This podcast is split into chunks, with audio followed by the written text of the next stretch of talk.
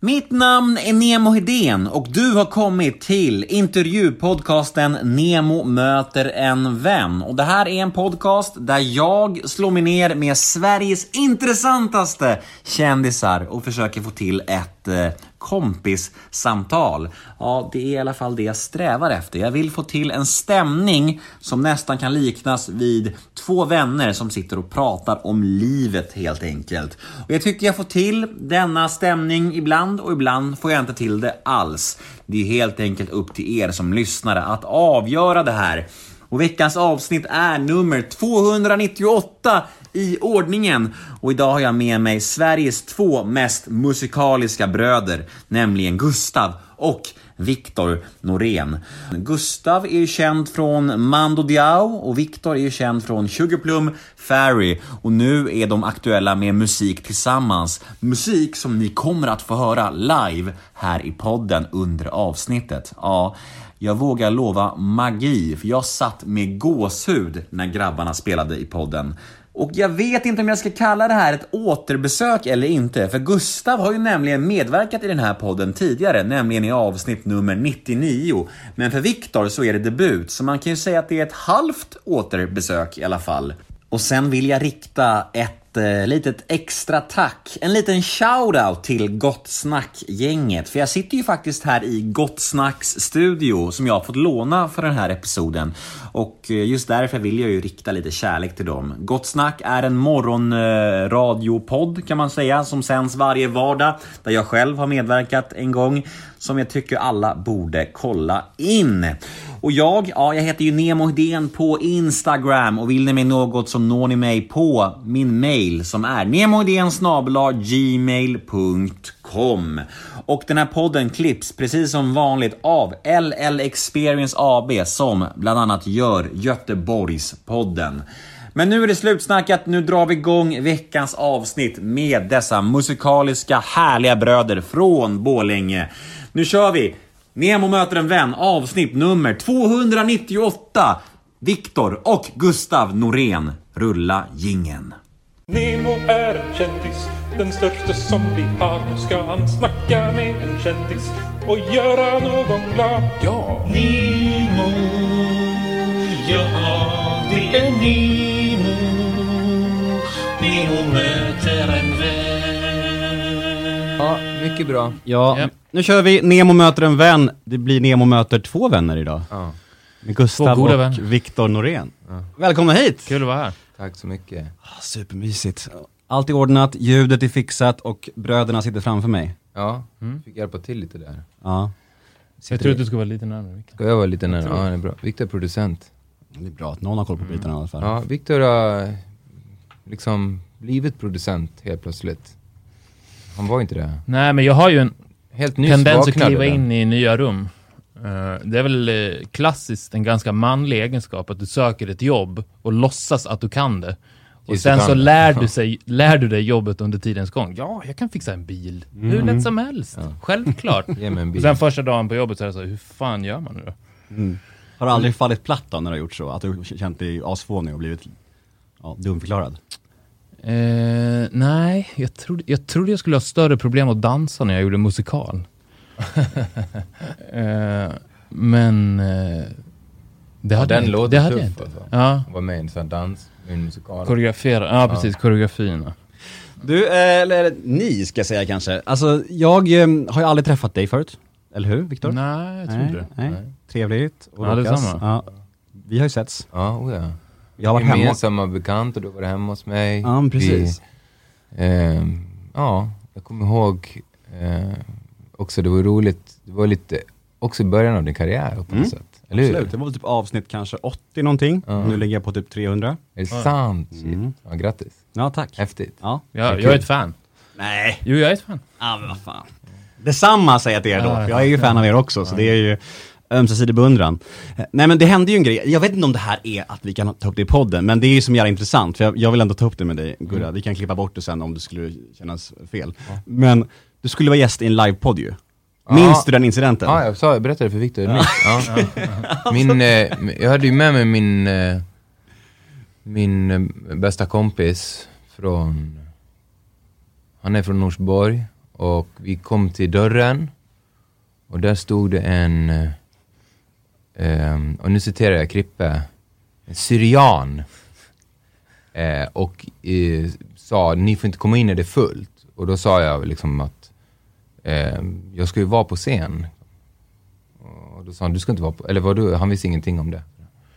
Och så helt plötsligt så bara ehm, var det liksom två killar från Botkyrka som stod och pratade med varandra. Krippe, min kompis, och han den där dörrvakten som var väl någon liten släkting till han som ägde. Alltså han, han hade väl ingenting att säga. Och sen, och sen så eh, sa jag till Krippe bara att, eh, men alltså, alltså jag får inte betalt för det här. Alltså jag inte, jobbar ju inte längre. Alltså, det, jag är ju liksom, vi behöver inte stå här och bråka. Vi drar liksom. Så, här. så att då skickade jag ett sms till dig och så bara, "Nej, vi drar. Anledningen till att jag tog upp det här var ju inte för att prata just om den här biten, för den, den, den, den vet vi redan om. Jag vill ge dig lite uppföljning på vad som hände Ja, med den här människan sen. Okej. Han som inte släppte in dig. Ja. Eh, den här podden som du inte kunde vara med på då, eh, den, det var ju avsnitt nummer, det var min andra livepodd tror Ja. jag. Och när jag skulle ha min tredje livepodd då, så tänkte jag ha den där med. Men då fick jag ett mail från en anonym som sa så här. Du, jag tycker inte du borde ha din livepodden på det här stället. För att den, den, den klubbägaren där, han som håller i baren, han står åtalad för jävligt grovt brott. Han, han har tydligen torterat en kvinna, någon brud. Ja, och jag bara wow, shit. Så, så blev han också dömd. Och han sitter inne nu i tre, sant? ja, tre eller fyra år. Eller ägaren? Nej, killen som, Ja. som, ska du som, veta, alltså, jag tar ingen skit från kvinnomisshandlare. Nej men... Eh, det var syra i ansiktet och allting. Vad sjukt alltså. Vad sjukt. Alltså, Men han var ju likadan mot mig, det var det. För när, när jag sa till honom så här, du kan ju inte skicka iväg de som är mina gäster på Nej, kvällen. Du ja, ju- det sa jag, det var det första jag sa, det var det han sa. Nej, eller du vet, han, eh, eh, han trodde inte på mig. Jag tror bara det var sämsta möjliga jävla clashen mellan en, mellan en rockstjärna och en stolt Det var nog inte syriansk första gången det hände heller. Nej, nej, nej. nej. Och sen också, Och för att komma vidare Nej. i det här samtalet måste vi sluta prata om den här dörrvakten. Ja, verkligen. Det här ska handla om er. Och ni släpper ju en låt idag. Mm. Ja, eller hur? Exakt. ja verkligen. Och den, den, den handlar ju verkligen om, Om, dörr, om dörrvakt. om, om det mjuka beteendet. Nej men den handlar om det mjuka beteendet, det följsamheten. Det handlar ju mycket om broderskap när jag och Viktor sjunger tillsammans. Ja, och det, det handlar... Det handlade också väldigt mycket om det under hela processen när vi skrev hela den här skivan. För, att, för första gången på väldigt länge, för, för första gången sedan vi var små barn egentligen, så befann vi oss i, i sammanhang där vi var fria. Och eh, då ringde jag till Gustav och då började vi prata. Och en naturlig förlängning av att vi pratade är att vi började spela. Och vi började skriva. Och eh, vi skrev en jät, jättemånga låtar helt förutsättningslöst. Och det var egentligen först efter vi hade gjort 20-25 låtar som vi började se en röd tråd och vi började se det här som Gustav pratade om. Det temat som löpte igenom hela, he, det som sen blev hela skivan. Så vi skrev den egentligen utan att tänka på att vi gjorde en skiva. För att man kan ju, man kan ju tycka att 2020 att det är lite konstigt att göra en skiva för eftersom det inte är så man konsumerar musik längre. Och om vi hade bara skrivit en massa poplåtar hade det antagligen varit mycket mer motiverat att släppa singlar. Men vi hittade ett tema som löpte rakt igenom som var framtidstro, hopp, snällhet, ödmjukhet. Vär, värden som vi kände att vi står för. Broderskap. Broderskap, vänskap. Ja, ja, det här är den första skivan jag gör på typ sex år. Ja, och det är ju så, alltså det är så du börjar spela musik också. Och både jag och Gustav kom ju in i musikbranschen väldigt, väldigt tidigt. Och blev väldigt, väldigt ti- i tidig ålder också väldigt seriösa. Och det som händer då när du blir seriös, och det är inte på något sätt exklusivt för musik, är ju att leken försvinner lite. Leken blir allvar. Det finns ju en anledning till varför världens bästa fotbollsspelare gör mål på straff på träning, men inte i en VM-final, eftersom leken är borta. Och det där präglar ju musikskapandet otroligt mycket när du kommer in i branschen. Jag vet själv av erfarenhet som producent när jag har jobbat med artister, att det värsta de vet är att släppa musik.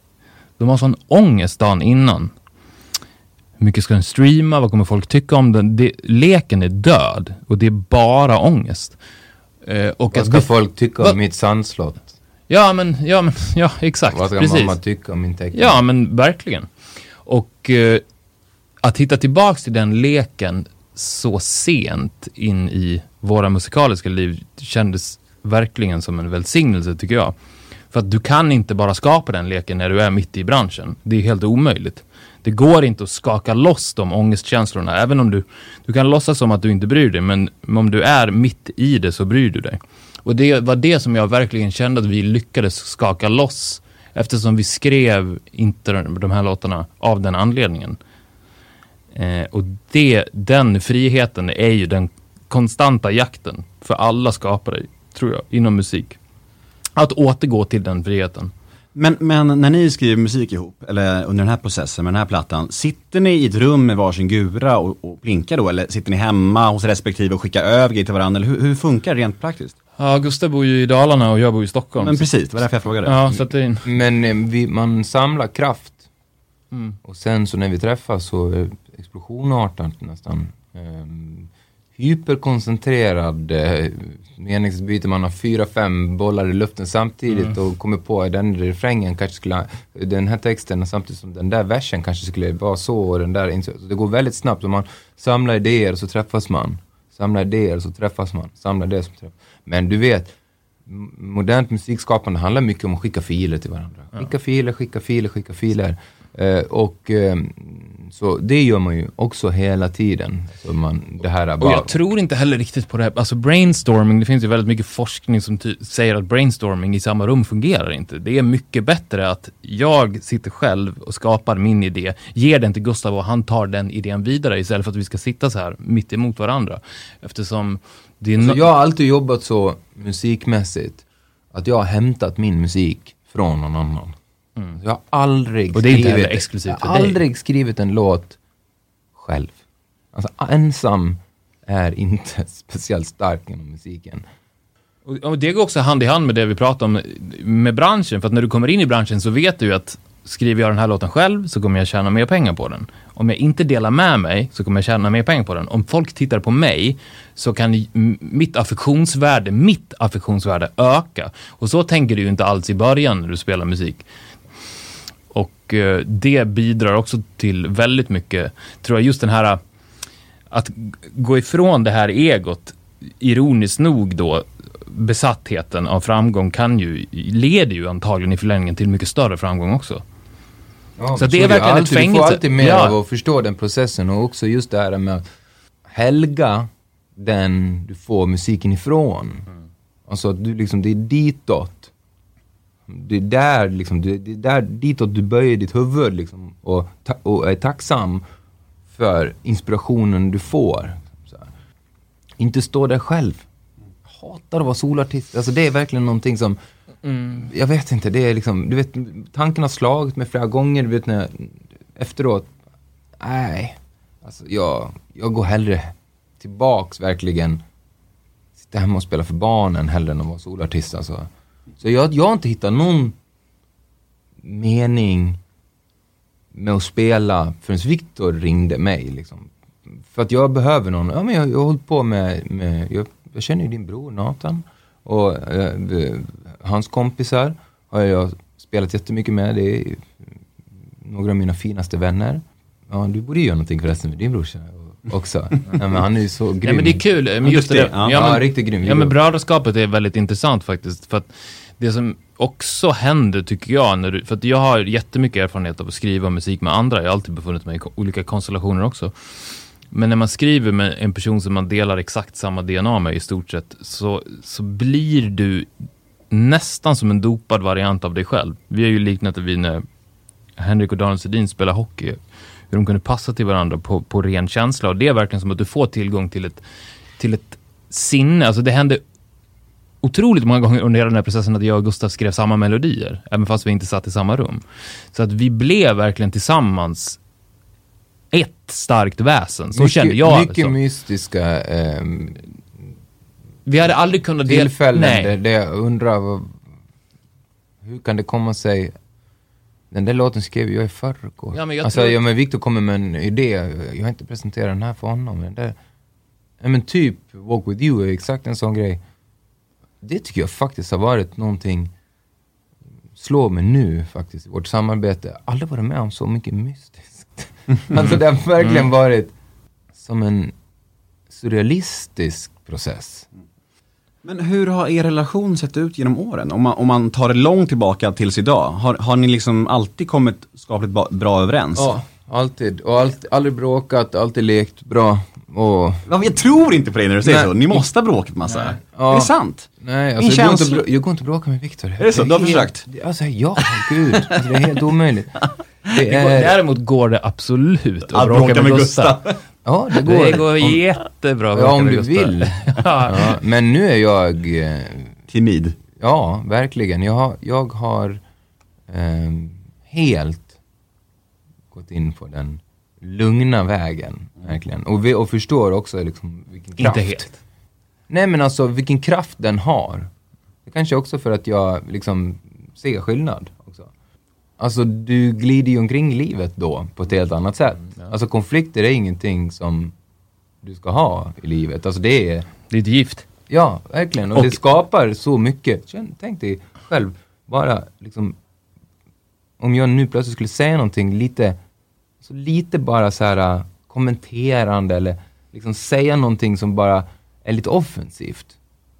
Och om du direkt då skulle liksom attackera det då, lite offensivt, hur snabbt vi skulle komma in i en situation som var väldigt obehaglig. Och hur man går omkring i världen och pratar med folk runt omkring en hela Det tiden. handlar ju också om att befria sig från sitt ego. För att om du... Du Om måste du förlora dig för att vinna ja, den där exakt. delen. Ja, men du måste, precis, du måste, för det är ju så ofta så jag inte bråkar med människor. Att jag, kliver, jag tänker att det är inte värt att säga det här. Jag, jag, jag vill säga det, jag vill hävda mig mot den här personen, men jag gör inte det. Och, då, då, då försvinner ju konflikten. Men, och sen så tror jag också att På morgnarna kommer jag ihåg Viktor bara gå direkt från sängen, rätt ut i bilen och sätter sig. Sitter där, väntar tills alla andra har kommit in i bilen. För han vet att nu är det kaos. nu är, på morgnarna då är det liksom, då är det risk för konflikter hela tiden och Viktor tycker inte om konflikter. Så han bara går och tycker heller inte om frukost, så det var väldigt enkelt. ja, mycket, Vad hände med, med din podd förresten? Eh, Ni gjorde ju också ganska många Ja, episoder, ja, va? Faro. Ja, alltså den lever. Det är bara att vi inte spelar in den längre. Paus. Eh, ja, vi spelade, spelade in. Nej, men vi gjorde ett avsnitt förra veckan. Som vi inte Okej, spelade jag in. trodde det var nedlagd. nej, Nej, alltså vi pratar. ses, vi pratar fortfarande. Det, det var det som var, alltså Faro är ju min äldsta, en av mina, ja han är min äldsta vän. Och han är ju en otrolig karaktär. Har han varit med i din podd förresten? Det borde han vara. Han har en otrolig historia. Alltså han var då... Krippe och Farao borde vara med i din podd. Mm, samtidigt. Ja. Mm. Eh, nej, men han var ju drag queen från att han var 10 år. Och vi, det här var alltså i Borlänge på slutet på 90-talet. Som var en hård stad. Alltså jag hade ju Okej, stora... ni är barndomskompisar, alltså Ja, därifrån? ja. Okej. Mm. Jag hade ju stora problem, för vi, vi var ju hiphoppare, jag var hiphoppare på mellanstadiet och var en av de tuffaste killarna i hela skolan. Och sen kommer jag ihåg att jag satt på mitt pojkrum och stirrade på gitarren och ville verkligen ta upp den och skriva en låt, men jag visste att det var omöjligt att göra det i Compton-tröja. Jag var först tvungen att byta stil. Och det, här, det är ju så en, en 11-årings hjärna fungerar. Så att det som jag gjorde då var att jag tog på mig en polotröja. Och sen så kunde jag då börja skriva låtar och sen så dagen efter så gick jag då från att ha haft Fila-skor, Adidas-byxor, Compton-tröja till att komma dit i jeans och polotröja. Och eh, de här värstingkillarna på Kvarnsvedens skola, de, alltså de luktade sig ju till det här. De ville ju smaka på mitt blod. Och, eh, Man då- bryter en kod där. Ja, Det, det där kan man inte göra, jävla inte på högstadiet. bög. Du gör, Alltså det du var, det, det var ett mantra som gick runt hela Det skolan. Ja.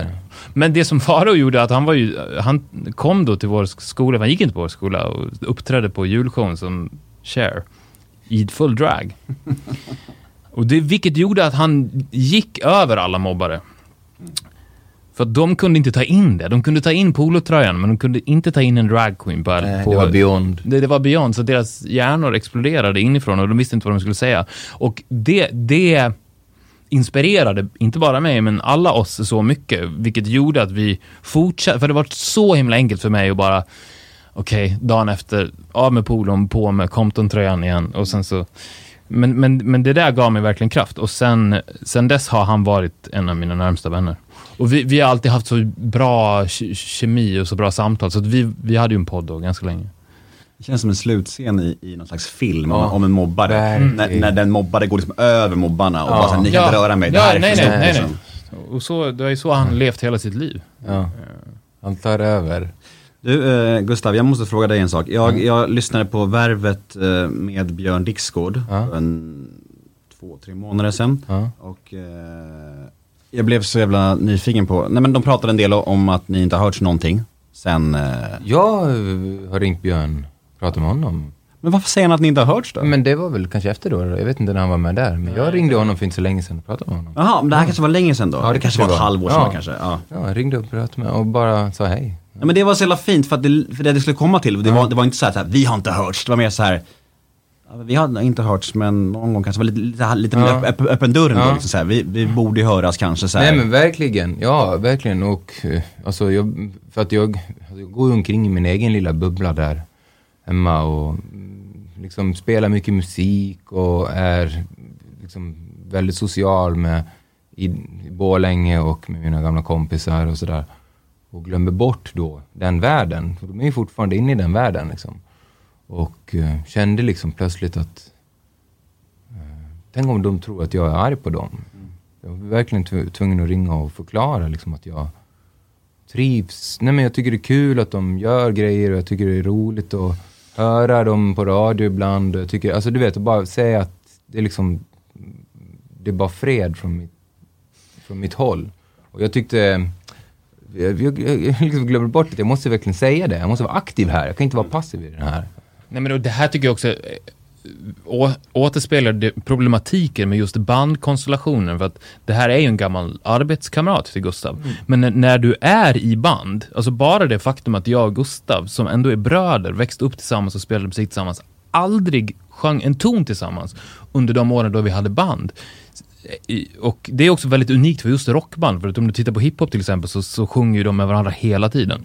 Men om du spelar, du ser inte Rolling Stones spela med AC/DC Det händer inte, för då, Nej, och, då och är man... Keith Richards kan inte ens liksom knappt göra en soloskiva utan att det blir Ja, liksom nej precis. Det är det så att han är otrogen då mot Ja. Mick Jagger och, och den grejen är ju sjuk alltså. Ja. Så, att, så att den här dramatiken som finns runt Gustavs gamla arbetskamrat är ju lite märklig egentligen. Ja, och det har aldrig varit som en... Alltså, vet, du vet, man, man har gått i en klass eller att man har kanske... Ja. Inte vet jag, menar, mina grannar är, är, är ju liksom ofta så här snickare. De kanske har jobbat på en arbetsplats i 10-15 år, liksom haft arbetskamrater. Liksom, man är arbetskamrater, men om man inte jobbar med dem längre, det är inte så att man liksom...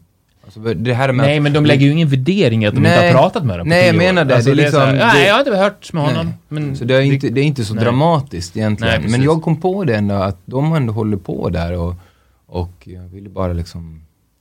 Eh, ja, men jag vill bara verkligen förklara liksom hur, hur lugn jag är i hjärtat. Liksom, att jag inte är arg eller något så liksom. För att jag vet också, jag också hört folk har sagt, ja han sa att, han, att, de, att ni inte hade haft kontakt och sådär. Alltså, ehm, Men det måste varit innan ni Säkert snackade den då. där intervjun du Ja. pratar om då. Och eh, det är svårt att, du vet man inte pratar med varandra, det är svårt att veta var man är någonstans i livet. Liksom. Jag vill bara förklara att, alltså jag, alltså ta det lugnt, jag är liksom, jag, jag vill ju gå ifrån det där. Det var inte så att jag ville liksom starta något nytt eller göra någonting, nu ska jag liksom, nu ska ni få se, nu ska jag göra någonting som är helt annorlunda. Det var, jag, jag, jag, ville gå ifrån det där och så jobbade jag med någon artist, då var det ju mer för att eh, den artisten frågade mig liksom. Och jag, Victor frågade mig och ja men hela gänget kring din bror och alltså det var ju massa människor som var typ som mina vänner som jag gjorde musik med. Alltså jag älskade ju låtarna ni gjorde med Erik Saade till exempel. Ja. Tyckte de var svinbra. Ja, verkligen, verkligen. bra Och då var jag också, alltså. besökte Victor studio varje dag eh, för att jag tyckte så mycket om att umgås med Victor och Jocke. Och liksom, det var inte för att jag ville bli artist eller något sånt där, utan det var bara vänskap och jag hängde där och kokade kaffe och jag kom med kanelbullar och liksom såg till att Ja, och där hade det ju antagligen varit mycket svårare att få med dig på Wide Awake om du hade varit i Mando Diao. Alltså, Men det hade inte gått, Nej, det inte gått. Nej, men här, där var det ju mer att Gustav råkade vara i studion när vi höll på med låten. vilken Så bra sjung, låt är, sjung alltså. lite på Jag den tycker här. den är svinbra, alltså, Ja, den är jag otroligt bra. Verkligen och bra. Erik var ju också otroligt bra för Men, men, men din relation då med forna bandkollegor, är det också bara så att du ser det som en gammal arbetsrelation eller tänker du att ni, är ni polare idag? Så, eller? Eh, ja, absolut. Vi, vi är kompisar, men det är lite på samma sätt. Alltså jag har, jag har haft en ganska, jag har pratat väldigt mycket med Faro om, speaking of, att jag har haft en ganska, båda vi en onostalgisk inställning till vänner. Så att man, jag tror att det kan på många sätt förgifta dig att fastna i det förflutna. Jag tror att det finns en stor poäng med att se det förflutna som icke-existerande icke-existerande ibland.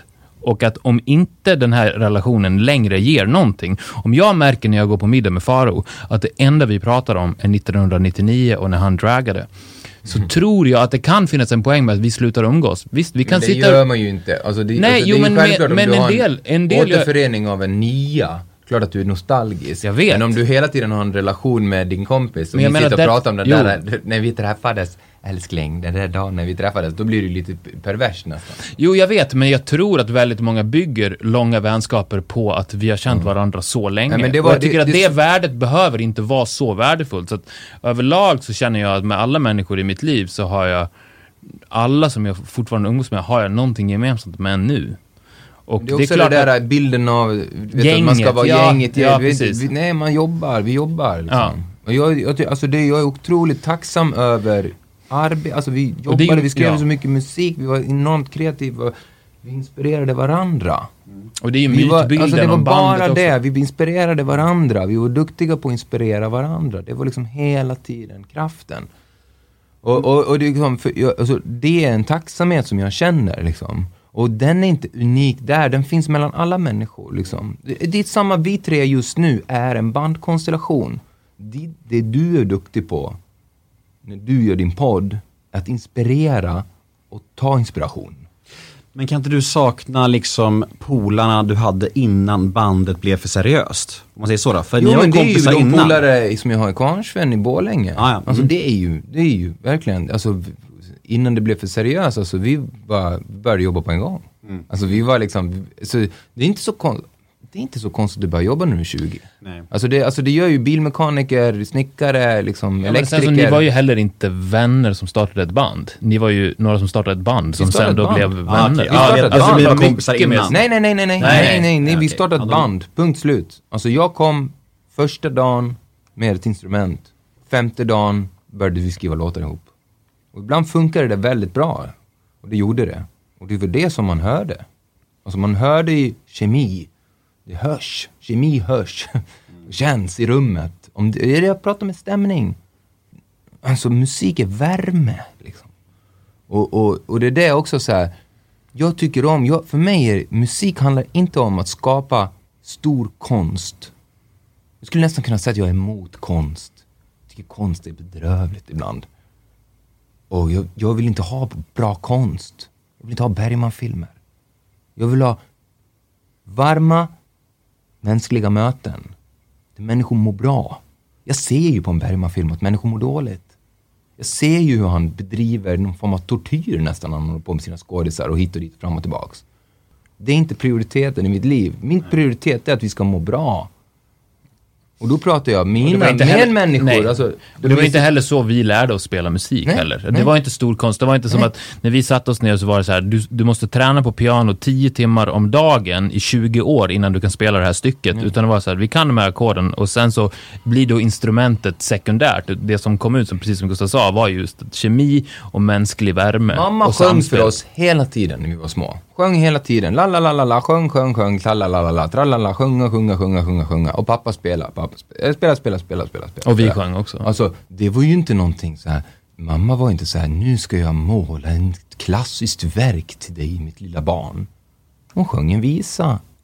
Så jag säger bara, prioritera att du mår bra. Min eh, mamma eh, sa till mig, jag tror det var igår eller förrgår, att hon hade hört på Greta Thunbergs sommarprat.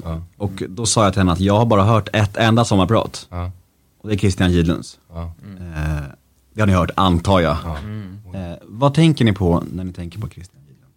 Alltså de där grejerna som hans bok och sådär, sommarpratet och de där grejerna, film, tv han gjorde och sådär, de har jag lite, alltså det är så mycket känslor. This is Paige, the co-host of Giggly Squad, and I want to tell you about a company that I've been loving, Olive and June. Olive and June gives you everything that you need for a salon quality manicure in one box. And if you break it down, it really comes out to $2 a manicure, which is absolutely insane. It's also so easy to get salon worthy nails at home with Olive and June. The difference between how your nails used to look when you did them yourself and now with the Manny system is a complete game changer. The best thing about Olive and June too is it's a quick dry. Dries in about one minute, lasts for five days, and full coverage in up to one to two coats. Visit oliveandjune.com slash perfectmanny20 for 20% off your first system. That's oliveandjune.com slash perfectmanny20 for 20% off your first system.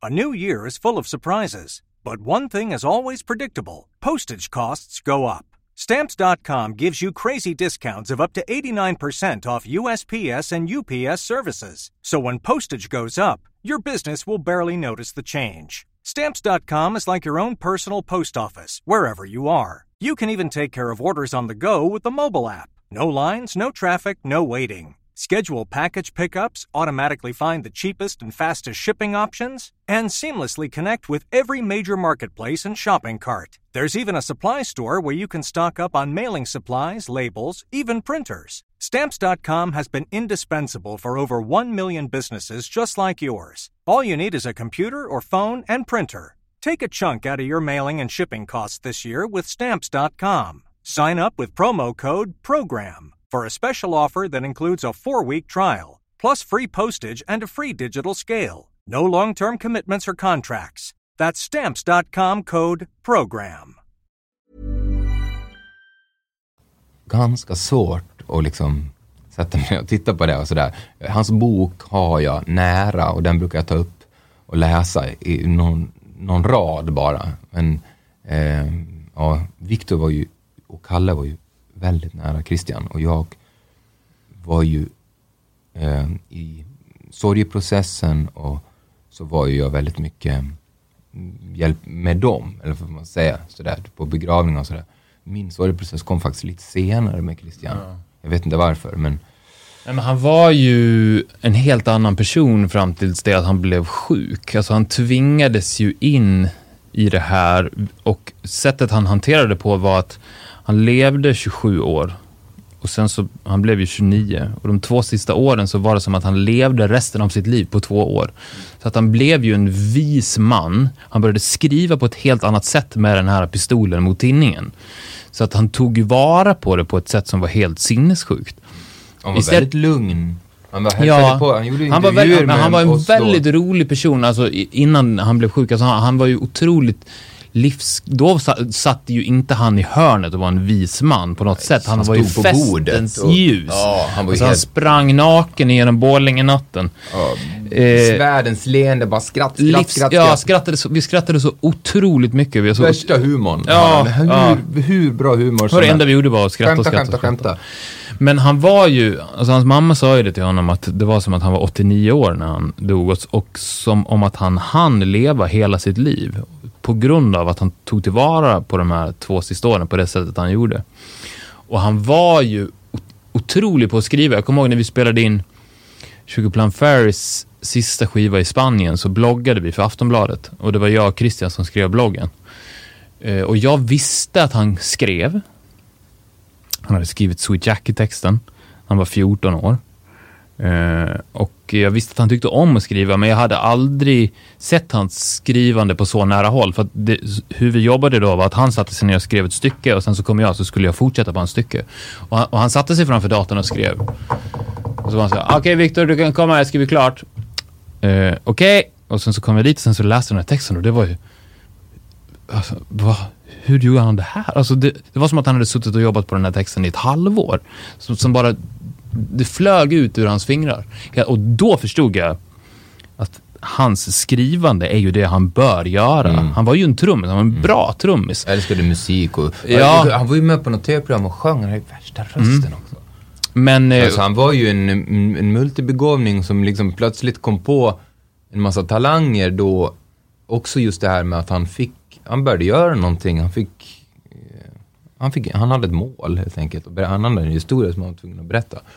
Och visste precis hur han skulle gå tillväga. Men jag, har ju, jag har ju känt eh, hans närvaro otroligt starkt flera, flera gånger. För han skriv, han skriver ju i sin bok att, att han, bland annat att, att han ska återkomma som en rysning. Och eh, flera gånger i olika sammanhang då jag har känt hans närvaro så har, har det skapats som en elektricitet i min kropp som jag inte riktigt kan beskriva. Det har varit som när du får ståpäls, men som att du upphöjer det till 2000. Och den känslan har kommit så många gånger. Det, var, det sjuka var att det var först efter jag hade känt den känslan flera gånger. Jag kommer ihåg när vi, jag var och såg Rolling Stones som var ett av hans favoritband på Tele2 Arena och sen så spelade de Wild Horses och då fick jag den här elektriska känslan i kroppen. Och sen så vid några andra tillfällen också som jag direkt kunde, jag kopplade det direkt till Christian. Och sen så, så läste jag senare i hans bok att jag kommer återkomma som en rysning. Eh, Så jag känner ju också att han är med mig Ja, hela jag känner också, jag tar upp boken Ja. och, och, och, och, då är han med och pratar. Man tar upp boken och läser vissa för att, eh, väldigt fina dikter. Väldigt fina dikter. Eh, för vi, alltså det är inte sådär, alltså, man tänker sig att ja, han beskrev förloppet av att dö. Men han skriver det väldigt poetiskt. Alltså, det, det är verkligen en, en bearbetning som är mycket djupare än vad vi tre här Men jag- förstår. men jag och så- jag tror det kommer ja. komma, ta många år innan vi förstår många av de orden. Som du sa, du upptäckte en grej som stod i boken där, alltså att han kommunicerar med oss Mm. hela våra liv så kommer han kommunicera. En gång så tog jag upp boken när jag bara gick förbi den och tog, tog jag upp den och läste och då läste jag om det här. Och så plötsligt så faller ett duggregn. Plötsligt så faller ett höstregn. Så, det. så, så tror jag det står. Och sekunden jag läser det så hör jag bara hur det börjar regna ute. Ett va- eller ett, lägger sig över trädgården eller någonting, skriver han. Det är För att precis på släcka en oändlig törst. Och släcka en oändlig Det var törst. ju hans sista mening. Hans sista mening. Och, och jag, jag tar upp det och det bara, samtidigt som jag läser så bara, Men eh, 20 Plum Ferry och Mando Diao var ju ändå aktiva samtidigt ganska länge och från samma stad och sådär. Och, och, och jag tänker att ni, var ni, alltså var det så att när ni skapade i era respektive band att ni kunde visa upp det för varandra och, och fråga om lite input eller var det mer en konkurrensstämning, så här, vem når högst på listorna och så? vi var väldigt mycket fan till varandra. Ja, Gustav och Björn var med och sjöng på vår första skiva och sådär. Och vi var ju, Victor var ju alltid med som musiker åt oss hela tiden. Jag åkte ju med Mando när de skulle till Japan första gången när jag var 17 år. Ja, 16 var 16 år var jag. Ja, på gymnasiet. Det, det, det snackade Björn om mycket i den här intervjun och att, att det som man kunde sakna var i intervjusammanhang, att du var den som bara liksom körde, snackade och tog ton och tog för sig. Och att, han, att första, första tiden utan dig i Mando var ganska jobbig intervjuer för det var så tyst. Okej, ja, verkligen. det är lite kul. Verkligen. Helt annan temperatur. Men, eh, jo, jo, jo, men, men alla har sin stil liksom så här. Man behöver inte vara likadan med stil heller. Det tycker jag, jag tycker det är bä- bättre Nej men det var man- en öm relation. Vi turnerade tillsammans och eh, det var ju...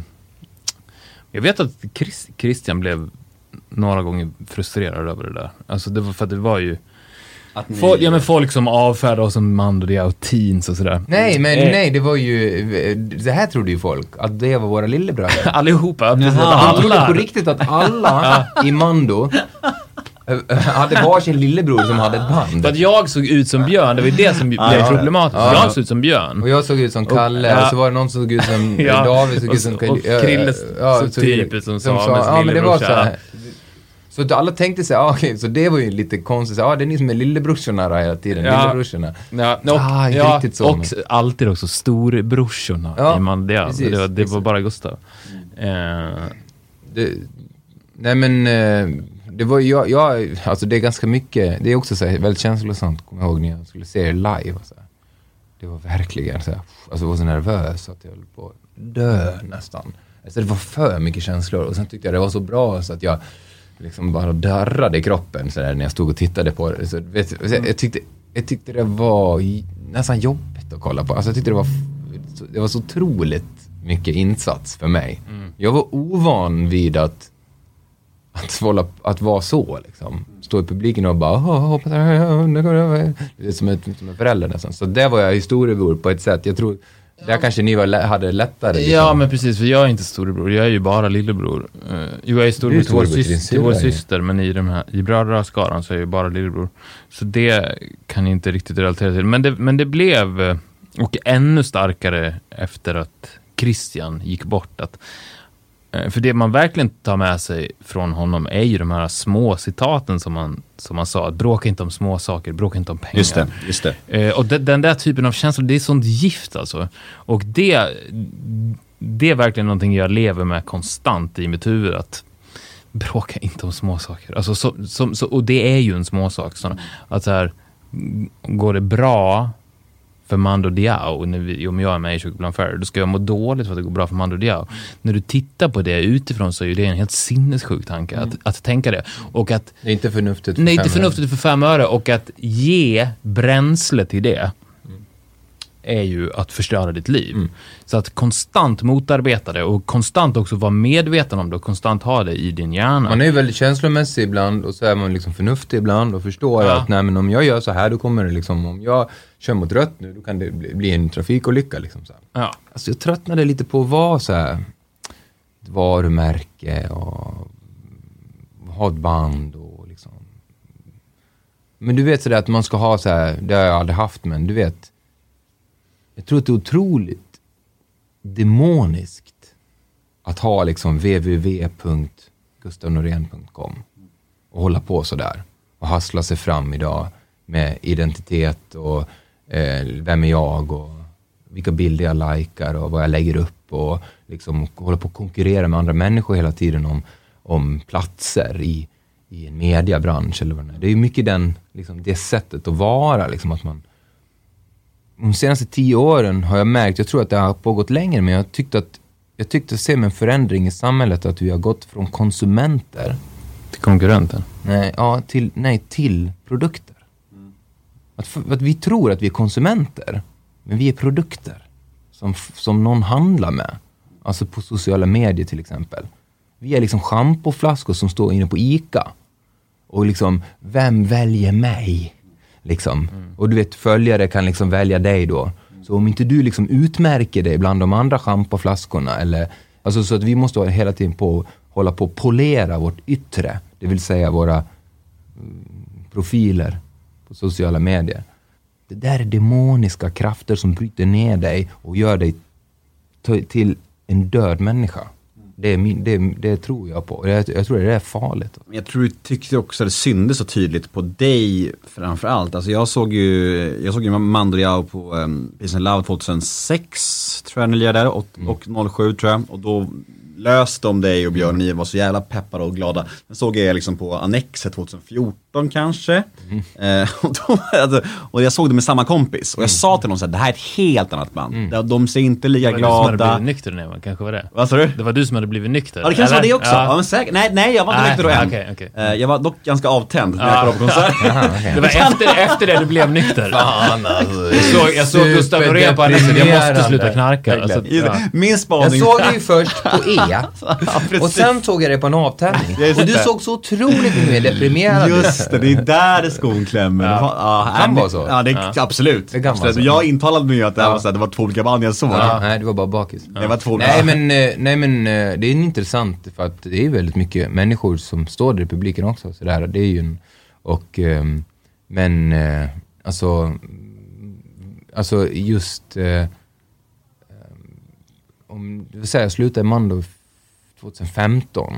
Fem år sedan. Ja, alltså det kom ju långt innan det.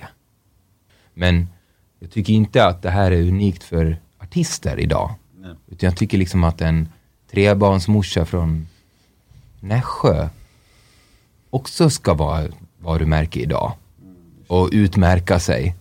Och liksom, mm, ah, jag vet inte, jag tycker att ehm, det har skett en avhumanisering av människan i samhället. Den, den, och jag tycker den är obehaglig. Som jag ändå tror på människan.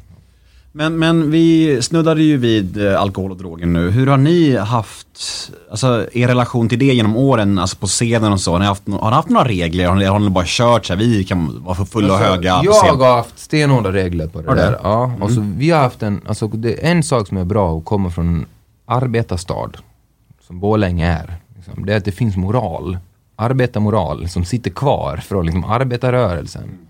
Sen när vi liksom kom utanför Borlänge och såg liksom det var lite mer eh, Loose. Lowlife, ja verkligen. Lo- Som, som skulle liksom spela coola, spela balla och sådär. Och, och speciellt inom artistbranschen, så vi, vi kände ju inte igen oss där liksom. Så här. Det var ju verkligen första turnén med kalasturnén, det var liksom Hellacopters, Thåström och Kent och du vet, det var liksom så här, bara, alltså, på en gång så såg man att liksom, vi var annorlunda.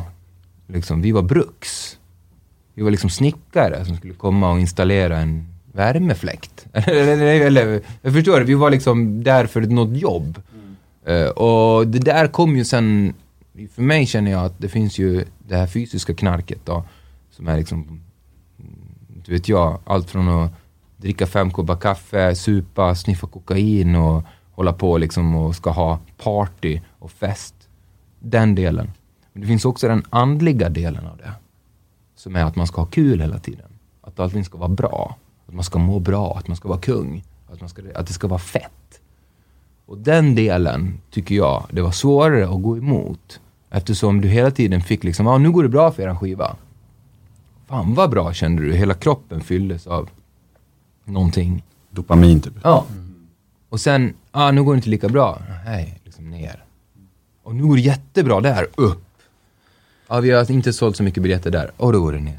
Och den där tyckte jag var jobbig, för den där blev man ju också påverkad av. Men sen så från första början också så var ju eh, en stor drivkraft i Borlänge, för det var ju väldigt mycket knark. Och det var ju precis när vi började komma upp i den åldern då folk började knarka. Head over to Hulu this March, where our new shows and movies will keep you streaming all month long. Catch the award winning movie Poor Things, starring Emma Stone, Mark Ruffalo, and Willem Dafoe. Check out the new documentary, Freaknik The Wildest Party Never Told, about the iconic Atlanta Street Party. And don't miss FX's Shogun, a reimagining of the epic tale, starring Anna Sawai. So, what are you waiting for? Go stream something new on Hulu. För att folk började supa. Det var då vi blev seriösa med musiken. Så att det var ju egentligen att vända ryggen till det och vi kände hela tiden så att vi ska festa sen när vi har någonting att fira. Ja, vi har, hela ingen, tiden, vi har hela ingenting tiden. att fira nu. Alltså vi, vi, nu jobbar vi. De där som är där ute och, och firar nu, Mm. alltså, och det här, det här blev jag kommer ihåg till och med när vi tog studenten att vi var så ganska hårda på det. Vi ska inte fira, vi har ingenting att fira än. Vi, vi var väldigt, väldigt seriösa, också pådrivna av Ja, Krille vi- som ju var en väldigt seriös person, också väldigt, Ja, väldigt inte fått tidigt. skivkontrakt, Nej, vi har ingenting vi har att fira. inte Och så, jag liksom- kommer ihåg att vi sa det när vi, äh, till, till och med när vi fick skivkontrakt, vi, inte, vi ska inte fira någonting. Vi ska inte fira att vi har fått, vi har inte vunnit någonting än. Och det gjorde nog också till att vi, eh, för precis som Gustav sa, när man kom ut och turnerade utanför Sverige och man mötte så här brittiska band så här, vaknade fulla i bussen och så, knarkade bara- hela tiden. Ja men du vet, och de kom till, de kom eh, med, med sig typ, de hade med sig ett pass i fickan. Liksom. Ja. Alltså, that's it. Och en tandborste liksom. Och det var... Och det, de skulle vara coola, spela coola, ja, jag har fyra tänder i käften, och vad cool jag är. Mm. Alltså det är inte coolt i Borlänge. Det är det som är problemet med vänstern idag, att den är bara Fuck upp allting, ska förstöra allting och nu kör vi fan. Bara va? Du ska upp den här tiden, du ska klä dig fint, du ska ha där, du ska städa, du ska vara städad och fin och liksom, du ska... Det, det som de kallar konservatism. Det är så det ser ut liksom. Och man, man är snäll mot folk, man är städad, man kommer i tid. Och så kommer någon libertins där liksom med fyra tänder i käften och gör stor konst. Vi är inte här för att göra stor konst. Vi är här för att göra vårt jobb. Vi är liksom att försöka ta, för- förstår du? Så vi har en helt annan... Ja, det var en, och, och inte heller egentligen bara utländska band, utan när man stötte på svenska band också från andra städer så var det ju också så. Speciellt överklass. Mm. Speciellt överklass. Så de gick ju så här på 50-11 olika droger, liksom låg i så här, bara, äh, så lät alla indieband. Liksom. Ja, det var faktiskt- vi blev nästan rädda för dem. Men alltså, det är Umeå Open, du ska på scen om två minuter. Ja, jag är så jävla cool. Säg ett band som lät så. Alla. Alla i hela min, alltså jag kommer alla band, alla kunde fråga vem som är. Okej, men nej, jag har fått jävla recensioner så jag kan sitta här utan att det gör någonting. Okej. så. Alltså jag förstår att vi eh, på många sätt uppfattar det som lite annorlunda. Faktiskt, på, av, av många. För att vi jobbade. Jag har fått känslan att ni har supt och knarkat ganska hårt. Nej. Nej. Hur, hur ser det ut idag då? Med, hur är det, Idag är det- inställningen? idag är det ja, idag är det precis, med fem. Äntligen. Men vad har inställningen till alkohol? Jag är ju lärare alltså. Jag är ju proper, herregud. Jag är ju fembarnspappa och lärare, herregud. Ja. Men också, vad liksom fest, vad är det liksom? Nej, men vi, vi kommer, alltså, jag tror inte, dels så, tror jag inte vi har missbrukargenen överhuvudtaget. Och sen så i vår familj så var det inte, det var inte speciellt mycket alkohol. Alltså, det dracks ju inte jättemycket. Jag Nej. vill minnas att mamma och pappa aldrig Nej. var fulla. Men- Alltså, det, det, vi hade inte en relation till att festen per automatik är att man blir jättepackad. Och sen så alkoholen, det är ju den absolut sämsta drogen som finns. Om du överdoserar den. För det är det som är problemet med alkohol. Att alla som, alla som dricker alkohol överdoserar den. För droger överlag handlar ju bara om dosering. Alltså droger kan ju vara grymt om du doserar den rätt. Men vad är full? Full är ju kroppens sätt att säga till dig, du har precis överdoserat den här drogen. Så att när du går ut på en fredag in på ett ställe där alla är fulla, så går du in på ett ställe där alla har överdoserat. Också, Och om du men, dos- ja, men jag, tycker, jag tycker att alla droger är jätte, jättebra om du doserar dem. men den Så värsta drogen ska jag vet dosera. av alla droger i hela världen, den värsta drogen jag vet, det är cool. Att vara cool. Han är så cool. Har du sett vad cool han är? Wow, vilken cool kille. Det är den värsta drogen som finns. Men var inte du helt besatt av att vara cool i början på din karriär? Jag, ja, det var dit jag ville komma, det var, Ja, det var ja. dit jag ville Men- komma till. Alltså, Alltså, grejen är- alltså, jag är, det, det är inte så att jag inte har liksom använt mig av såna här uh, processer, att jag vill bli någonting och vara någonting. Men både ja och nej. Alltså jag tyckte inte att de här uh, indiebanden som låg i en pöl på golvet var coola. Alltså om det var någonting som det första jag sa i intervjuer så var det, jag tycker inte de här banden är coola. Och det var rabalder. För att jag sa, jag tycker inte ni är coola. Eh, eh, för, alltså, jag, jag minns första gången vi kom till Falun och jag såg liksom, okej, och det- de var depprockare och de var alternativa och de var svartmålade och det var hit och dit och fram och tillbaka. Det var så mycket makeup. Ja. Och det får man ha, för det, vi, absolut, det är inte det. Men, men jag såg att det fanns inget annat. Det var inget annat därunder. Liksom, det var inte så här vi rep åtta timmar om dagen. Det är väl lite den grejen också som jag tror att eh, var lite skönt att vi såg igenom det där ganska tidigt. För att om du inte gör det, om du på riktigt tror att wow, vad... sen har man ju träffat här rockstjärnor, de, är- de är, alltså, Iggy Pop, stenhård eh, disciplin. Han är också nykter sedan många, många år, Ja, eller hur? Ja. stenhård disciplin, upp och göra sitt jobb, fixa allting, Ja, ja, jätteduktig, st- super. Och, och jag träffar så här 50 Cent och det är liksom så här super eh, eh, noga med hur de beter sig och hur de gör. Och jag faktiskt stor, det den musikstilen som jag är mest imponerad av har, har alltid varit hiphop. Och när vi kom till Redline till exempel i Norsborg, vi jobb, jag jobbade nästan de flesta åren liksom, i Diao i Norsborg med Salla och Masse. De producerade väldigt stor del av den musiken jag gjorde i, i Mando. Och jag imponerades av deras sätt att jobba. Kände igen mig i hur de var och hur de jobbade och hur, de, vilka, eh, hur, hur noga de var, hur ordentliga de var, hur de gjorde allting snyggt. Vad fan, Sa inte jag till dig när vi poddade förra gången att, att min första flickvän hade en affisch på dig i sitt flickrum? Och, och, och hennes drömkille var alltså Gustav, Okej. min första flickvän. Ja. När var det här? Va, hur gammal var jag då? Nej, men Jag kanske var, vi kanske var 17? Hur gammal är du nu? Eh, Jag är 87 Okej. Så det var ju ett konstant mindervärdeskomplex här affischen, det var någon okej affisch när ni stod i, i skinnjackor. Ja. Så du var cool, du var cool, ah, exakt, exakt, på tal om cool, det var en cool Men bild. jag, det är väl inte det du menar heller? När du... Nej, jag menar bara att, jag menar bara att det är... Alltså det, det är inte som att du är helt befriad från det nu heller. Nej, det är Nej, du, du är fortfarande nej. cool Gustav. Ja, Ja, okej, han men- vill fortfarande vara Ja, det är cool klart, också. han- Det, Nej, men, men det, alltså, ja, det men är det inte tycker det jag jag- överlag, men du kan ju enkelt poängtera det, men, men samtidigt ha den strugglen i ditt liv. Ja, I alla fall. precis. Och jag säger inte såhär, ja men jag var som mig, jag gör allting rätt. Jag tvärtom, jag säger bara liksom, Men det är ju, en- det är, ju- det är ju väldigt... vad som är fara. Ja. Alltså, om du vet att det där är ett stup, då vet du åtminstone hur du ska bete dig. Liksom, sådär. Men Om du inte fattar att det är ett stup så är det spelar ingen roll, att jag tycker ändå inte dekadensen är cool. Alltså jag tycker inte det är Nej. cool. Och så, och så tycker jag, jag har andra värden i livet på riktigt, det här med att musik... Fast det är väl inte heller det du menar exakt när du säger cool, alltså att det är dekadensen du pratar om. Alltså det är väl cool överlag. Jag vet inte. Vad, För, att- för att det går väl hand i hand med egot också såklart. När jag är, när att jag är med framhäva en sig människa, själv. när jag är med en, är med en människa och jag känner mig trygg, och så kan jag känna med artister. Om det är någon som går upp på scen och känner att de är bekväma i situationen och de tar tag i mikrofonen och man ser på deras kroppsspråk att de trivs och känner sig trygga. då blir jag trygg. Och då tycker jag det är skönt att lyssna på den artisten. Och det kan vara coolt, absolut, i den benämningen att man är kall, att man är liksom, man är sval, att man inte är liksom nervös och hjärtat slår hårt och man svettas. Man är liksom så, liksom, utan att man, är, man håller sitt lugn. Lugn. Bättre ord för cool. Lugn. Ja, men, ja, Vilken så- lugn ja, ja, men, artist. ja, men, det, men det är intressant med det där med lugn också, för pappa, vår pappa han är ju otroligt lugn. Ja. Eh, och eh, en stor skillnad mellan dig och pappa är att du pratar ju säkert 20 gånger mer ord på en minut än vad han gör. Eh, så att, upplever du någonsin en konflikt i lugn och det här faktum att du pratar hela tiden? Nej men, jag säger inte att jag var som mig. Nej, nej, nej, jag bara undrar. Nej, men det var inte det. Jag, så sa, jag sa inte att, att vad som dig. Jag undrar om du ser någon relation mellan de två sakerna. Nej men alltså, För att, för att ditt mål är att vara lugn. Alltså till exempel när du söker jobb den här personen som jag låg som, den här Ja. indiepopparen som låg på golvet, fullproppad med Valium. Han var jättelugn. Ja, ja, ja. Det är inte så jag menar. Nej, men pappa, Det är inte det men som pappa, är lugn. Pappa är väl ett bra exempel. För han låg ju inte på golvet fullproppad Nej, jag med menar inte att du är lugn som en människa som ligger ner och sover. Jag menar att du är, att du är lugn och trygg i din situation.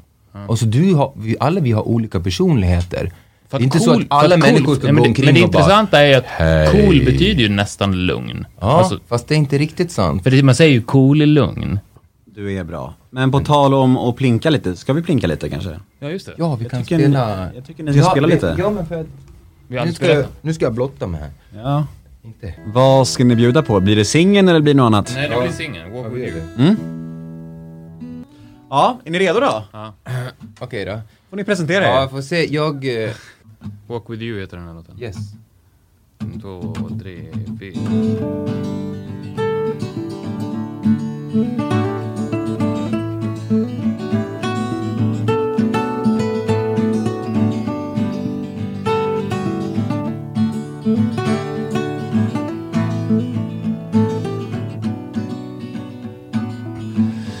Gotta say I didn't know that I could feel so sad I let you down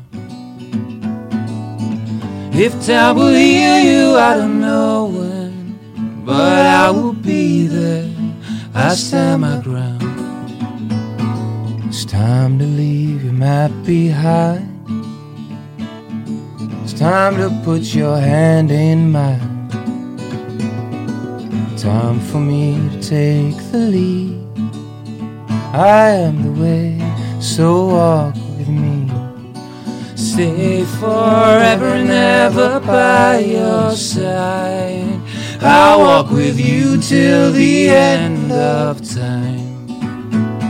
I don't wanna be lonely, left behind. I'll stand right there with you till you die. I'll walk with you. I'll walk with you till the end of time. I'll walk with you. I'll walk with you till the end of time. So many things I wish I told you, and I will tell you if you let me stay. Just let the light in, I will guide you. The sun will shine for a better day. You don't have to fear no more. I am here to take control. You just have to let it be. I lead the way, just walk with me. Stay forever and ever by your side. I'll walk with you till the end of time. I don't wanna be lonely, left behind. I'll stand right there with you till you die. I'll walk with you. I'll walk with you till the end of time. I'll walk with you. I'll walk with you till the end of time. You never have a friend destiny. Your enemy, my enemy. And what you call your destiny, I call the way. So walk with me.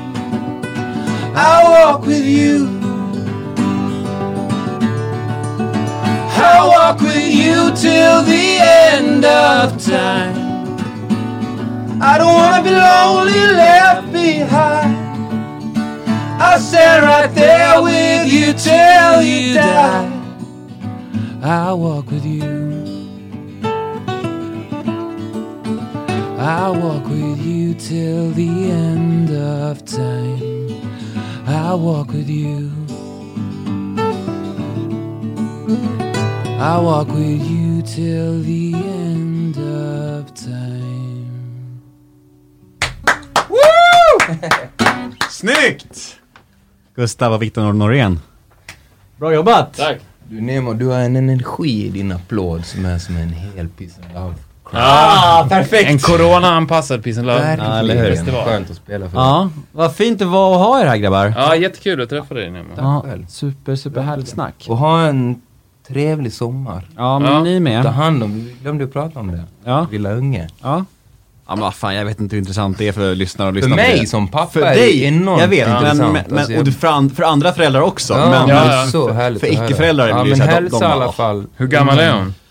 Tre Bebisen. år och tre år i ena och tre månader i andra. Mysigt. Så Det blir underbar sommar faktiskt. Ja, verkligen. Ja, du har ju fem, hur många har du? Två. Två, ja. Fullt upp alltså. Ja, Ja. verkligen. Vilka slutvisdomsord ska vi signa ut med tycker ni? Åh gud, nej Vi men nu... väl Christians. Brå, Ja. Bråka inte om små saker, bråka inte om pengar. Skitbra. Tack grabbar. Tack.